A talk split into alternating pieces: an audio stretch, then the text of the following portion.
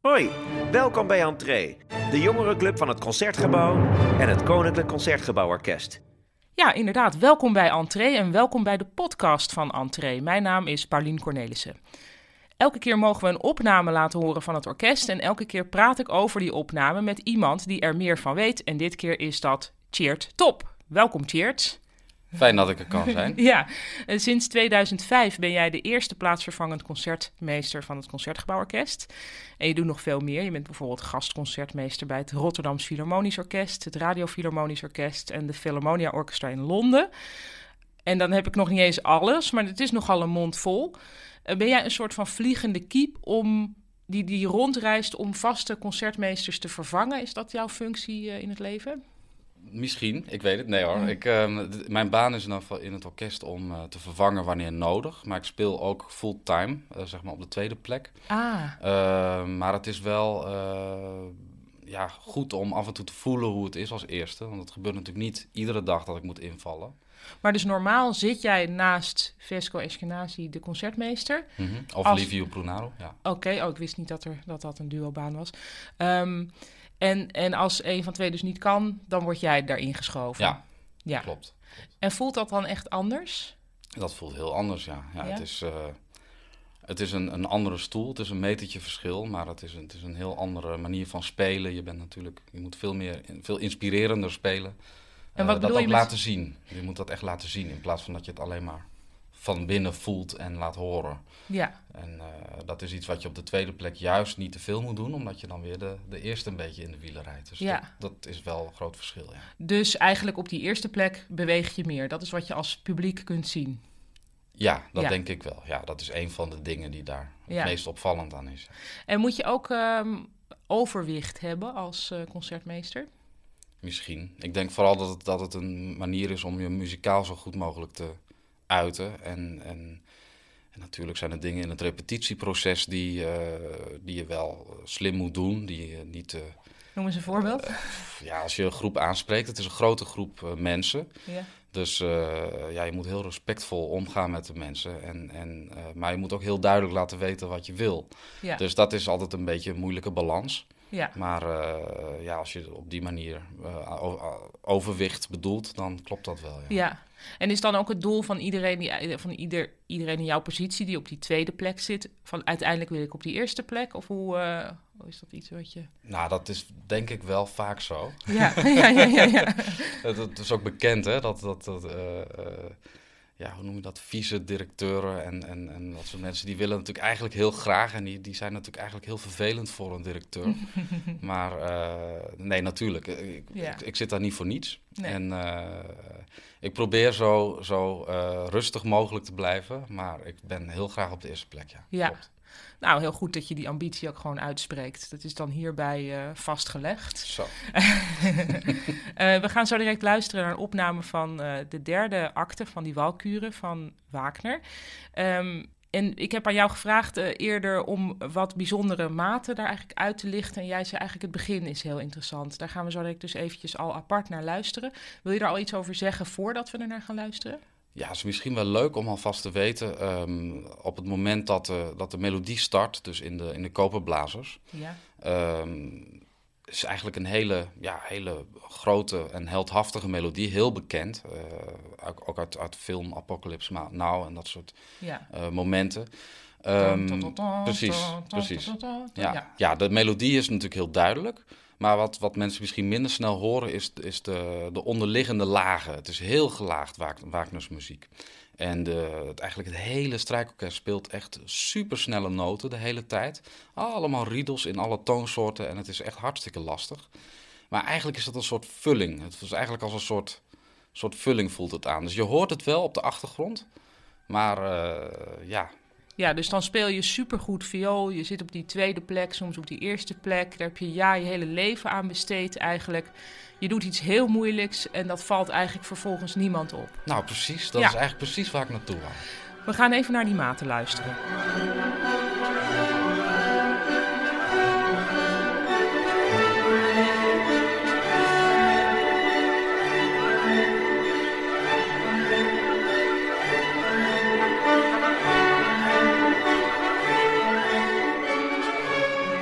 Nou, inderdaad, je hoort heel uh, duidelijke trombones. Daaronder hoor je ja, wat vaag geruis.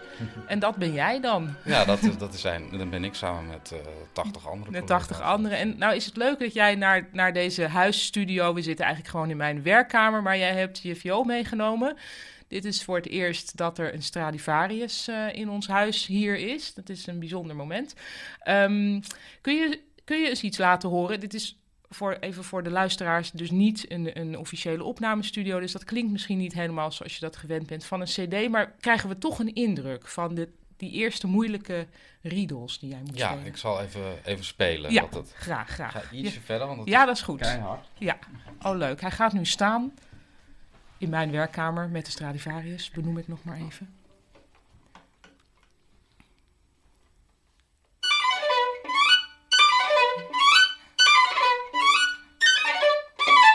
Oh mijn god.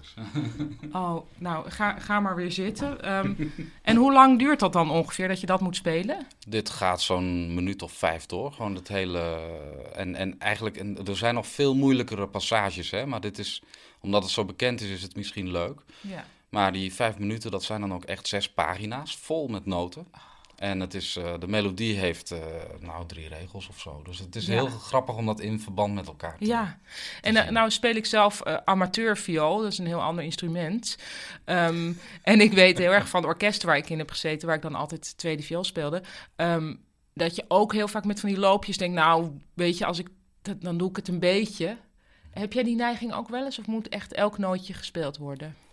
Het liefste spelen we alle noten. Oké. Okay. Ja. En het liefste, dat betekent dus dat gebeurt altijd. Meestal wel. Uh, maar ik maak natuurlijk wel eens fouten. Ja. Uh, maar ik bereid het zo voor dat ik het zou moeten kunnen. Ja, ja het zou ook wel erg zijn als eigenlijk bij het Concertgebouworkest ook gefaked werd. Maar in amateurorkesten gaat het toch vaak om uh, succesvol faken. Mhm. Mm -hmm. um, dan heb ik eigenlijk nog wel een vraag over die walkuren, omdat het Concertgebouworkest, dat speelt het stuk volgens mij vaak. Um, maar dan zonder ansenering. En ik vraag me af of je dat dan niet ook jammer vindt, omdat het natuurlijk een opera is. Dus daar zit eigenlijk theater bij. Absoluut. Ja? Um, Wagner was natuurlijk ook heel erg voor het gezamtkunstwerk, om echt een, een, een algehele uh, ervaring neer te zetten. Een kunst, kunstzinnige ervaring voor het publiek. Uh, dat zo ver ging zelfs dat hij, dat hij houten banken in zijn theater liet zetten, omdat ze echt, echt alleen... Uh, oh, echt ongemakkelijke het, ja, banken? Ja, ongemakkelijk en dat het echt, echt alleen om de kunst ging. Wat Duits uh, ook weer, Ja, hè? nou ja. ja. in elk geval heel, heel Calvinistisch ja, zou ik zeggen. Ja, Of Lutheraans waarschijnlijk. in Lutheraans, zijn ja. tijd. Maar... het vervelende van Maarten Luther kwam nou, erin door. precies, precies. Ja. Maar goed, um, hij wou natuurlijk iets, iets heel groots neerzetten, maar daardoor heeft hij ook alle aspecten van die opera's heeft hij ook echt zo groot gemaakt. Dus de muziek is ontzettend rijk. Ja. Uh, de zang en de teksten zijn, zijn eigenlijk bijna te. Uh, de onderwerpen zijn bijna te, vind ik dan persoonlijk. Ja, ja je vindt het... Uh, het is, nou ja, het is het eigenlijk... een soort Tolkien toch ja, eigenlijk? het gaat, het gaat heel ver. Ja. En uh, dus, dus al deze dingen afzonderlijk van elkaar kun je ook prima doen eigenlijk. Nou ja, goed, een zanger zonder Ja. orkest gaat moeilijk natuurlijk. Ja, Maar dat orkest zonder zanger, dat, dat is al zo rijk en het klinkt al zo geweldig. ja, gelukkig zijn er wel zangers bij. ja. Um, en uh, nou ja, zonder theater, ja, ik, ik ben echt van de muziek, echt van het luisteren. Dus ik vind het altijd uh, fijn om gewoon te kunnen luisteren. ja. In plaats van ook nog van alles te moeten volgen visueel. En uh, daar word ik allemaal hartstikke moe van. Oh, Maar de meeste mensen hebben dat natuurlijk niet, dat Nee. begrijp ik. Nee, Maar het is al, als je echt, echt je richt naar wat er gebeurt, ja. uh, muzikaal gezien, wat je hoort, dan, uh, dan is er echt genoeg te doen in die, wat is het, uur en een kwartier ongeveer dat het duurt. Ja, Die derde acte. Oké, dus dat is het uh, wel waard. Dat is het betreft. absoluut waard, Ja, absoluut. Ja. Um, nou, Cheert, dankjewel voor dit gesprek.